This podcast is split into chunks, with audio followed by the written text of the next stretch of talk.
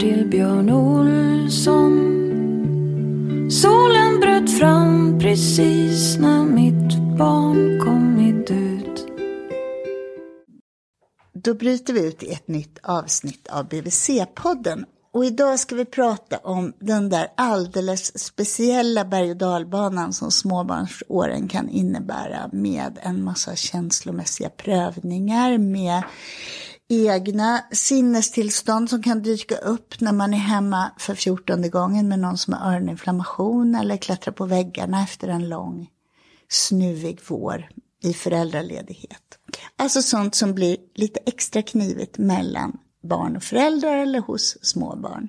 Vi har en bred satsning på föräldrastöd i Sverige och vi har det från BVC förstås. Men ibland kan man behöva lite extra stöd.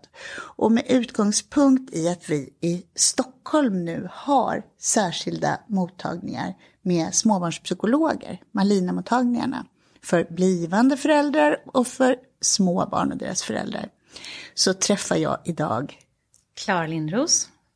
Och vem är du? Jag är psykolog här på barnhälsovårdsenheten och har jobbat lite extra nära Malina-mottagningarna sedan de startade som verksamhetsstöd. Och vad är din bakgrund, Klara?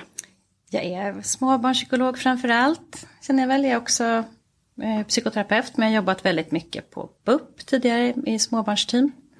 Och nu då här på barnhälsovårdsenheten mot BVC. Och vad tycker du är det speciella, om man tänker både för en som förälder, men också det som man kan behöva stöd av psykologer av när man har riktigt små barn eller väntar barn? Vad är det speciella där? Alltså det som är när man behöver extra stöd lite mer än man kan få från BVC eller kanske tillägna sig genom att lyssna på den här eminenta podden. Där vi täcker de flesta områdena. Eller Då läsa vi någonting. upp lite. Ja. Eh, nej men när det liksom behövs lite till och man, man känner att man behöver träffa en psykolog. Då är det väl att man har tappat bort sig kanske lite i ett föräldraskap. Eller liksom, och det kan ju vara för att man har ett barn som just nu utmanar lite extra. Temperamentsfulla barn som pikar där vid tre år och det blir faktiskt stökigare än vad man klarar av. Så att man också, man klarar kanske inte av att hålla lugnet som man vill eller man är inte den förälder man vill vara. Eller barn som är lite extra ängsliga och oroliga så att man också blir liksom orolig som förälder och dras med lite grann i det där, vet inte hur mycket ska jag pusha, man kanske blir så orolig så att man blir provocerad och pushar för mycket eller så backar man och hjälper barnet med allt och behöver lite stöd helt enkelt att komma framåt.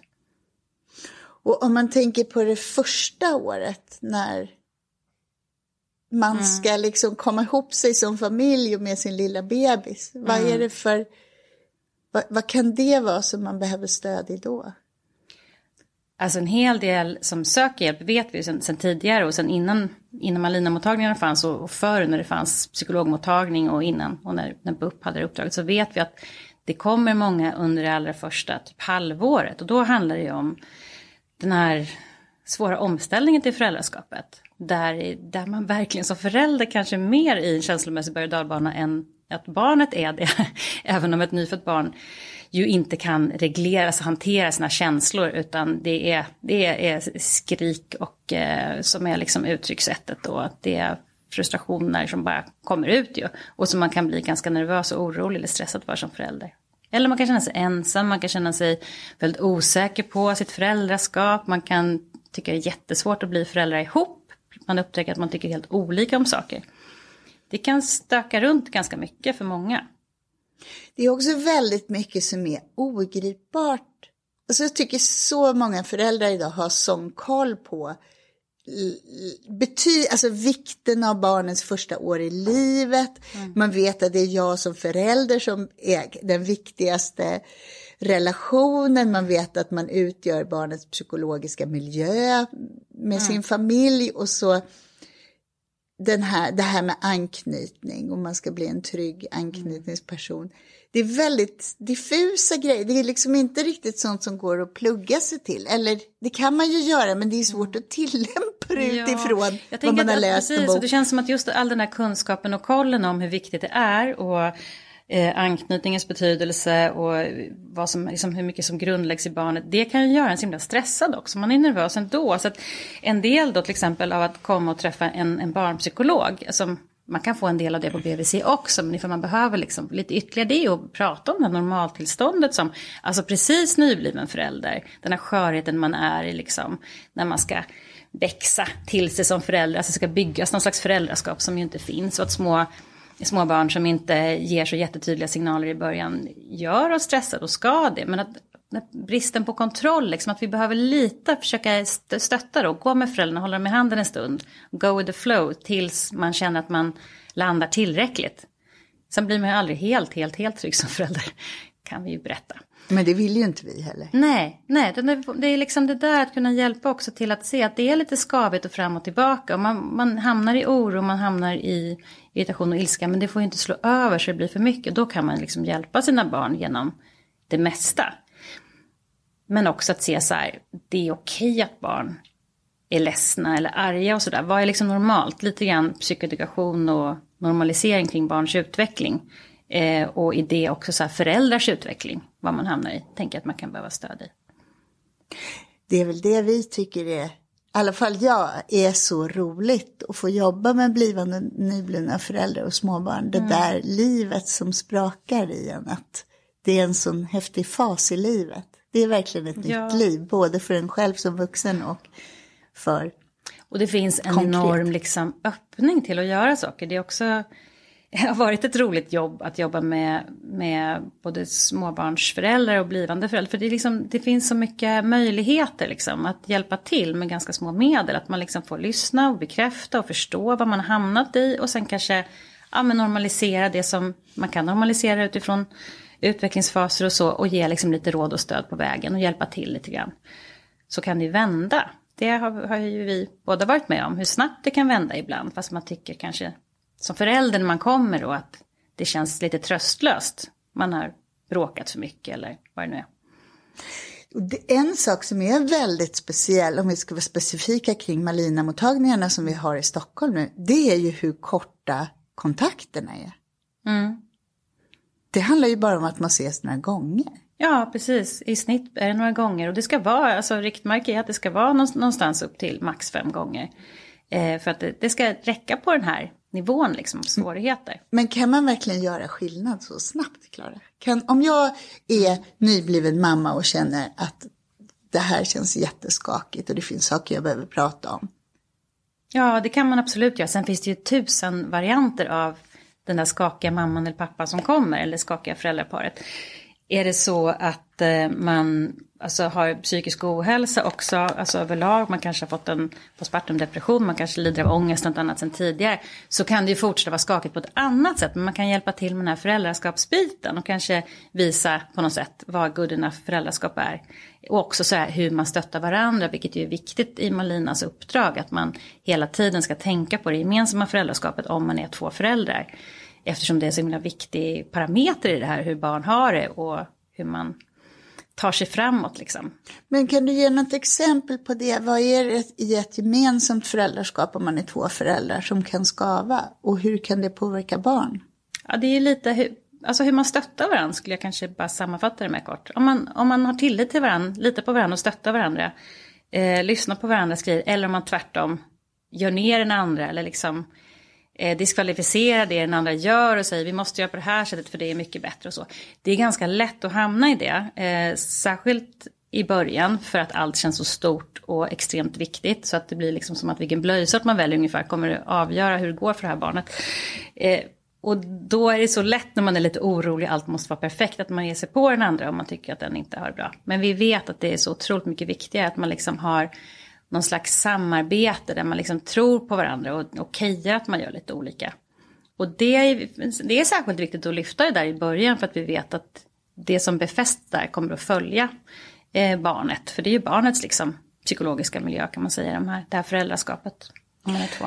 Men betyder det också att båda föräldrarna ska vara med och att det här att båda ska vara engagerade eller nära sitt barn, att det är en viktig förutsättning eller en målsättning, eller?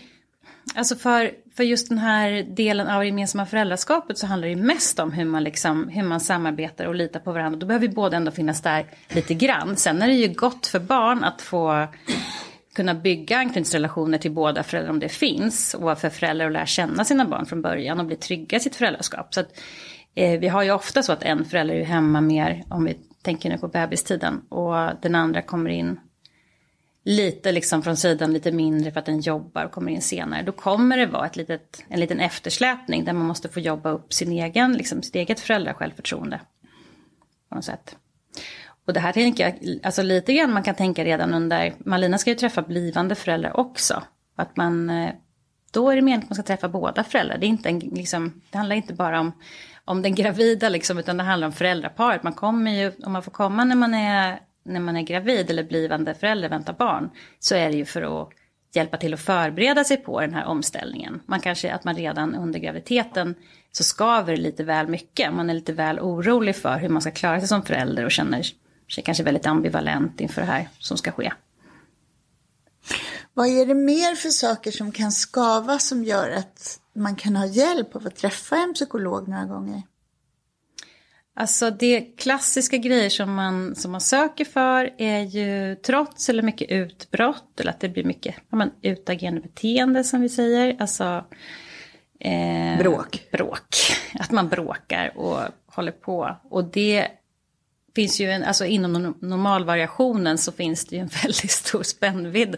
Så att det är lite grann också hur det där landar hos en som förälder. Att, eh, det kan ju vara ett barn där det är eh, där man kan tycka att ja, men så här är det när man är två och ett halvt, tre år. Eh, men föräldrar som hade andra förväntningar, man kanske hade ett helt annat barn innan. Eller som är väldigt stressade och inte har det bra. Som behöver liksom stöd i att komma tillbaka i matchen och kunna möta det här lilla hetsiga barnet för att hjälpa igenom den här utvecklingsfasen. Eh, sen kan det ju vara barn som har mycket mer explosiva temperament än andra och mycket svårare att reglera sig, alltså att hantera sina känslor, alltså det svänger starkare. Det där kan ju föräldrar som kommer om en treåring som har det så, så kan de ju ofta berätta att så här har det varit hela tiden. Det har varit liksom starkare och mer. Eh, då behöver ju de föräldrarna kanske stöd bara för att möta det här lite mer explosiva eller känsliga barnet. Det är ju en jättevanlig grupp. Jag tänker en del av det här handlar ju om att man ger föräldraskapsstöd, man pratar, att föräldrarna kommer om att man pratar med dem och lyssnar på deras berättelser. Men det är också ja, och reflektera tillsammans, att föräldern kan, man som förälder kan liksom sätta sig in i, ja, vad händer i min lilla unge? Vad är det för ett barn jag har? Vad är det för temperament? Vad, hur ser hens liv ut? Och vad händer då i en? Det är liksom en viktig del, men sen så behöver man komma lite fler gånger. Då ska barnet alltid komma med vid något tillfälle till de här Så att man som psykolog också får se, både får se barnet och få en egen bild. För det kan ju vara så att man då var så här, jaha, nej men det var inte, jag har fått beskrivet för mig något barn som är hel, hel liksom flyger efter väggarna och så kommer in ett barn som inte gör det och det är ju en massa information. Jag menar då är det ju så kanske hemma men barnet kan anstränga sig, kan klara av det. Hur är föräldrarnas beteende? Alltså man, kan få, man får saker att fråga vidare om så att man Eh, och föräldrar kan ju liksom få syn på sitt barn på ett annat sätt också. Jaha, var det så här här? Och så kan man liksom fundera på vad hjälper barnet och vad hjälper barnet och så. Men man får ju också syn på hur föräldrar och barn har det tillsammans. Om man har hamnat i någon väldigt negativ spiral, som man gör ibland. Eh, där det blir mycket liksom tillsägelser och man, liksom, man är så orolig för att det ska bete sig illa eller slå sig eller vad man är orolig för. Så att man är där och petar och säger till hela tiden och i förebyggande syfte. Och så här. Sånt som vi vet förstärker liksom den här negativa spiralen av mycket bråk och trots och, och liksom starka känslor. Så man får ju syn på någonting också. Så därför är det viktigt att barn kommer. Du sa någonting om att eh, du sa inte sätta sig i barnets skor, men liksom ses mm. utifrån barnet. För det där är väl en klassisk, eh, ett klassiskt samtal mm. med en psykolog när man har småbarn. Att försöka få syn på hur saker kan te sig ur det lilla barnets perspektiv. Precis. För att det påverkar vad man gör som förälder. Mm. Alltså att när barn kan vara jag bara tänker barn som bits och så skrattar de åt en när man skäller på dem. Mm eh, eller bli galen, för det gör ju så fruktansvärt ont att bli mm. biten. Att om man fattar att de är rädda då egentligen, så blir det en annan sak än när man tror att de struntar i en fortfarande. Precis, och man kan få syn på att man kanske börjar tolka sitt barn lite som om det var mycket äldre. Alltså det där med klassiska exemplet med att de skrattar en rakt i ansiktet när de är små. Och det är ju, alltså, man kan ju bli så provocerad som om det var en vuxen som gjorde det. Och så är det ett litet barn som inte vet var den ska ta vägen och som är rädd eller som skäms eller som liksom tar till det där som en tillflykt. Och det är ju, alltså, det kan ju vara otroligt befriande att få syn på så här, vad sjutton händer i mitt lilla barn och få syn på hur pyttelitet barnet är. Eh, och gärna då i, om man får det här stödet liksom av en psykolog så behöver man inte skämmas utan okej, okay, ja vi hamnar i det här nu. Det gör man, det är väldigt mänskligt liksom. För det är en sån jäkla balansgång det där att man ändå ska hjälpa barnet liksom, och vägleda det när det beter sig på ett sätt som man ska lära dem att de inte ska. Men också fatta att just nu är de så små så att de, det, det är ingen idé liksom att ha de här förväntningarna eller att säga till på det här sättet eller så. Utan att gå den här balansgången mellan att liksom förstå barnet och inte säga till alldeles för mycket men ändå inte bara acceptera allting utan vi ska ju lära dem saker. Hur gör man det? När du berättade nu och gav exempel så gjorde jag små bubblor på ett papper här som handlade om, alltså, jag menar att det kan vara saker hos barn. Du sa att det kan vara barn som är väldigt explosiva eller barn, det kan vara barn som är ängsliga eller som har jätte svårt att sova när de är små, hela familjens mm. tillvaro vänds upp och ner. Alltså det kan ju vara sådana utmaningar som handlar om att ens barn är svårt att ta hand om. Liksom. Mm. Eh, och sen andra som handlar om vem jag är, vad jag har med mig som förälder, vad har jag varit med om själv, vad har jag för förebilder. Mm. Eh, ja, vad har jag för skills kanske, alltså det där man pratar om som verktyg idag. Mm. Och sen så sa du också en del om vad som händer med ens medförälder. Hur får man ihop det här tillsammans? Är det någon som bara drar och är borta om man känner sig övergiven eller är det två mm. jättestarka viljor som ska komma överens? Och sen så sa du också någonting som det skulle vara kul om du ville säga något mer om som handlar om sådana här negativa spiraler som man kan hamna i med sina barn. Alltså det som är mellan en själv och barnet. Mm. Alltså det är ju till exempel när det gäller det här med bråkighet som jag jämt kommer in på. Eh, det är ju att om, om man börjar liksom, om man tycker att barnet är himla jobbigt och beter sig så börjar man säga till en väldig massa så blir det jättemycket negativ uppmärksamhet på barnet och den får inte så mycket av den här liksom positiva uppmärksamheten som den behöver.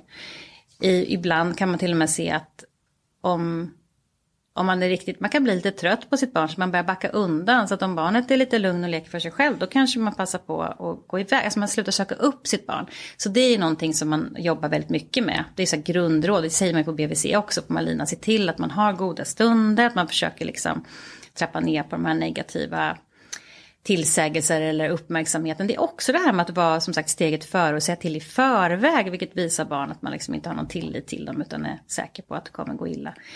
Den typen av mönster kan man ju få hjälp att få syn på eh, ihop med en psykolog. Och också kanske hur man då hamnar i det tillsammans. Alltså för att när man är stressad som småbarnsförälder och så är man två, då är det ju jättelätt att man börjar småskälla på varandra samtidigt i den här cirkusen. Liksom.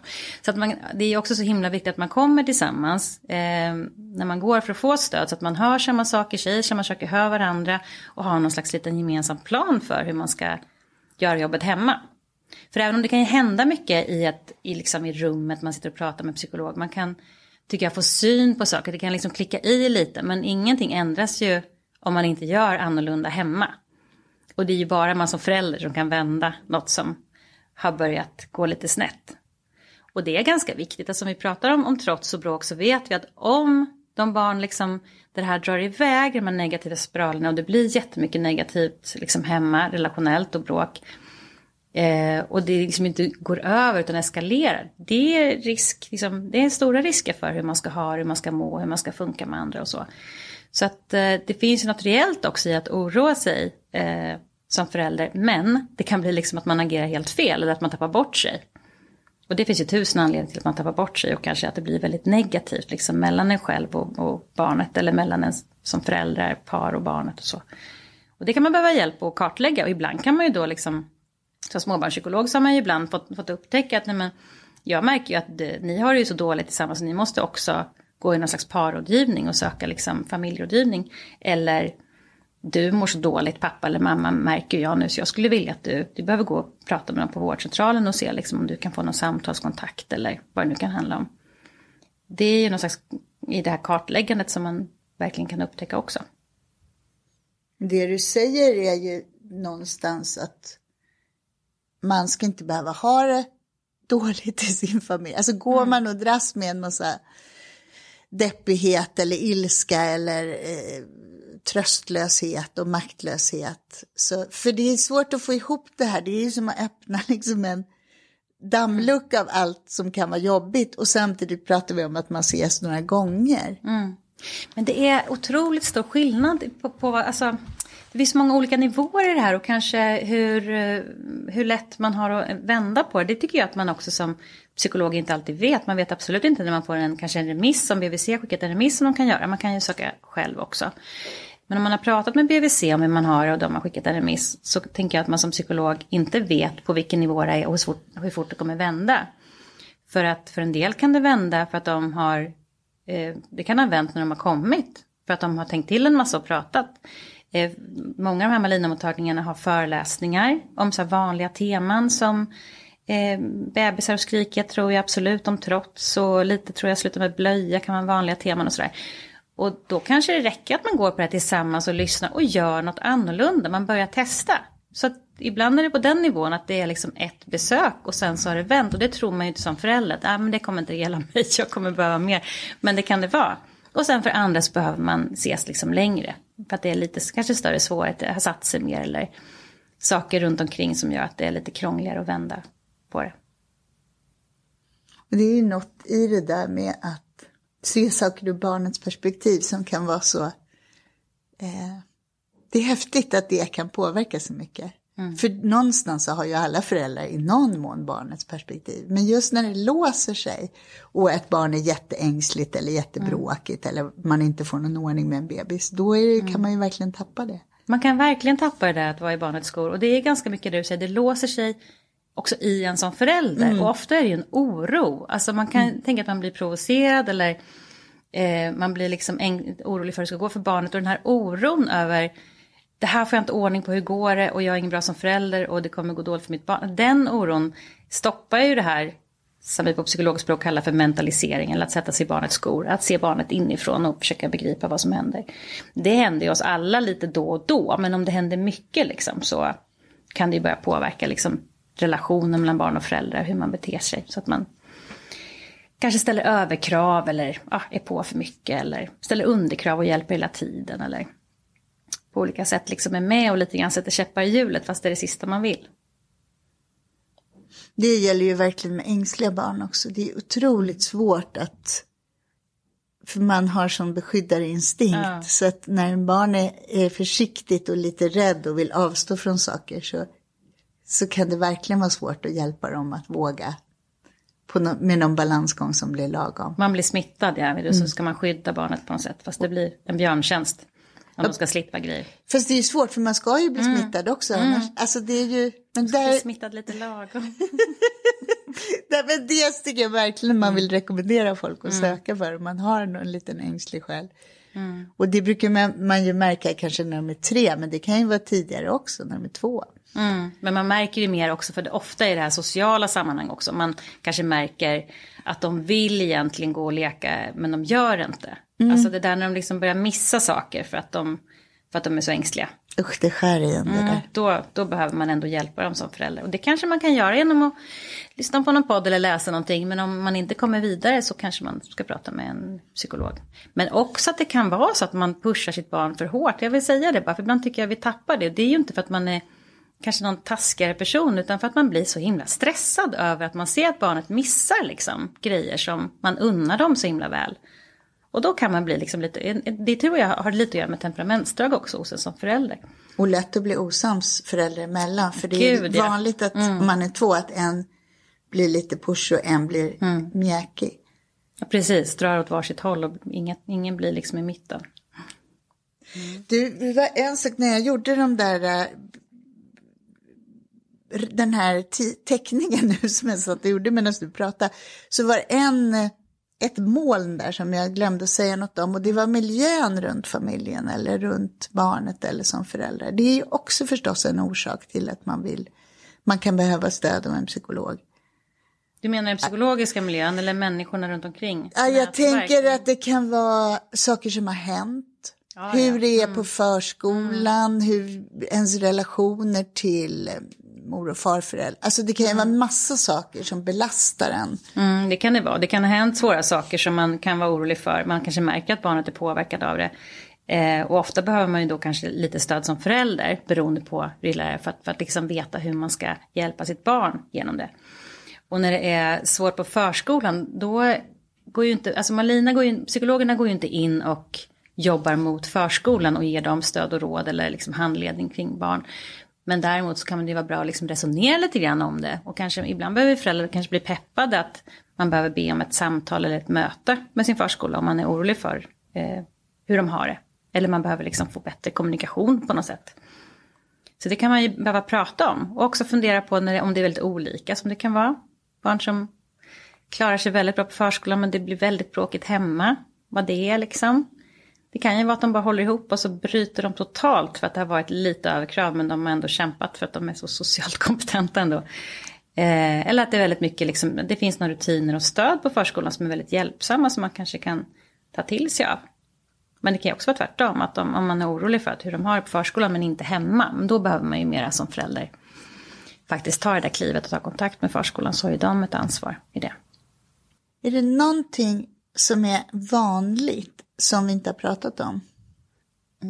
Ja, men mat tänker jag är väl en sån här grej som är vanlig. Och det kan ju vara i olika åldrar. Alltså med, när man ska börja äta så kan det vara en väldig oro. Det kan vara jättesvårt att sluta amma och mm, börja med annan mat. Och här får, här får man ju verkligen stöd på BVC. Men då för en del kan det ju bli ja, men väldigt ångestfyllt och svårt så att man behöver eh, en psykolog att prata med. För att egentligen det handlar det om att göra den här planen och förstå varför och vara tillräckligt trygg med den och vara båda till exempel.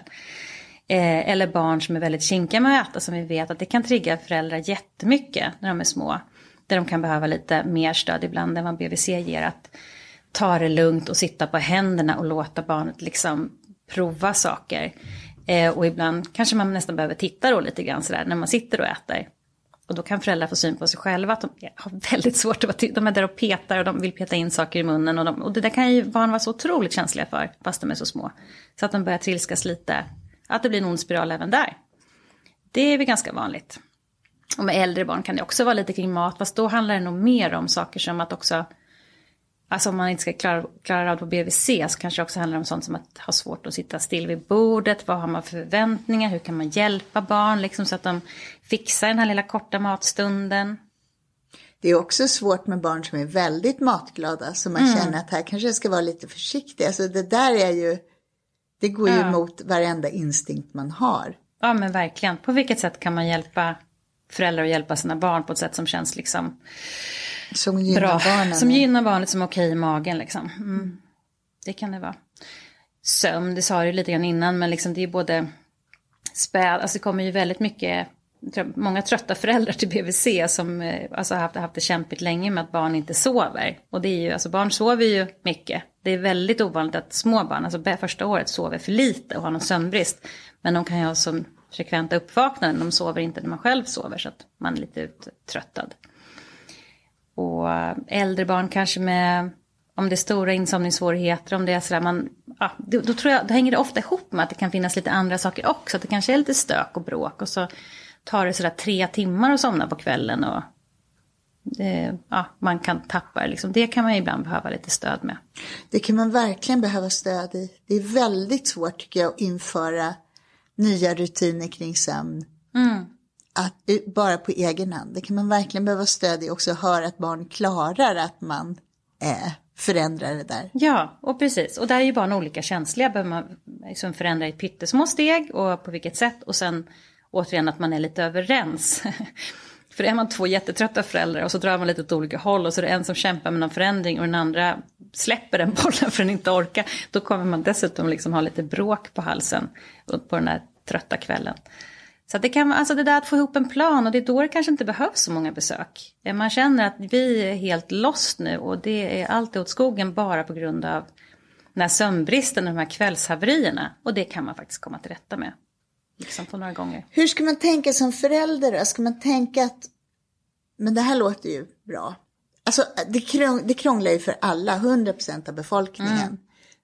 Vad, ska man vända sig först till BVC eller ska man kontakta en Malina-mottagning om man bor i Stockholm eller en småbarnspsykolog på annat håll om man bor någon annanstans i landet. Hur ska man tänka? Ja, jag tänker bara säga kort då att det här apropå i resten av landet så brukar det ju heta mödra och barnhälsovårdspsykologer och så. Det kan man ju höra med sin BVC. Föräldrahälsan. Föräldrahälsan, kan, det kan heta lite olika saker. Det är just i Stockholm det heter Malina psykologer men det finns ju samma yrkeskategori så att säga överallt i Sverige. Jag tycker nog att man för det mesta ändå det kan vara bra att börja med BVC eller läsa på lite. För det kan ju verkligen som du säger vara att man kanske bara behöver lyssna på någon podd, läsa någon text. du har väldigt hög tilltro till poddar, Klara. Ja, den här BVC-podden har jag hög tilltro till. Nej, men att liksom fundera, sätta sig ner tillsammans. För ofta är det också att man inte hinner det. Är det så att man kan börja med att sitta ner tillsammans om man är två föräldrar. Fundera på läget, fundera på vad man kan göra, ta reda på något. Eller man kanske egentligen har kunskap, man måste bara hitta tiden och, och liksom göra någon plan och göra någon förändring. Vad den liksom handlar om. matrutiner, morgonrutiner, kvälls eller bråk eller oro. Men om det känns som det blir för mycket så kan man ju antingen söka direkt eller, eller prata med BVC. Eh, det kan ju bero lite på vad man är också i. Har man ett tre eller fyra års besök annalkande kanske man väntar. Och kommer och tar med BVC. Och får lite råd och stöd att börja med eventuellt. Men man kan ju känna att nej, men det är så mycket så att det går inte, jag måste ringa imorgon. Och då gör man det. Mm. Och då är man välkommen. Mm, då är man välkommen. Då säger jag tack till dig Klara för idag. Så bryter vi ut ur det här avsnittet.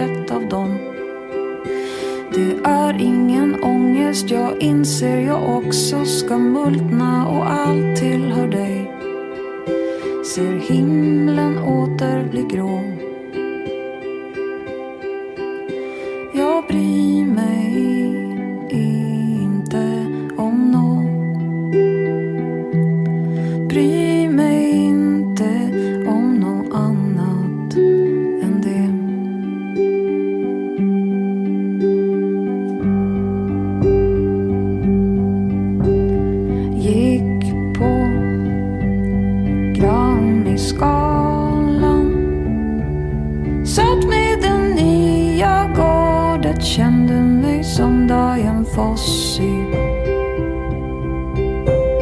Jag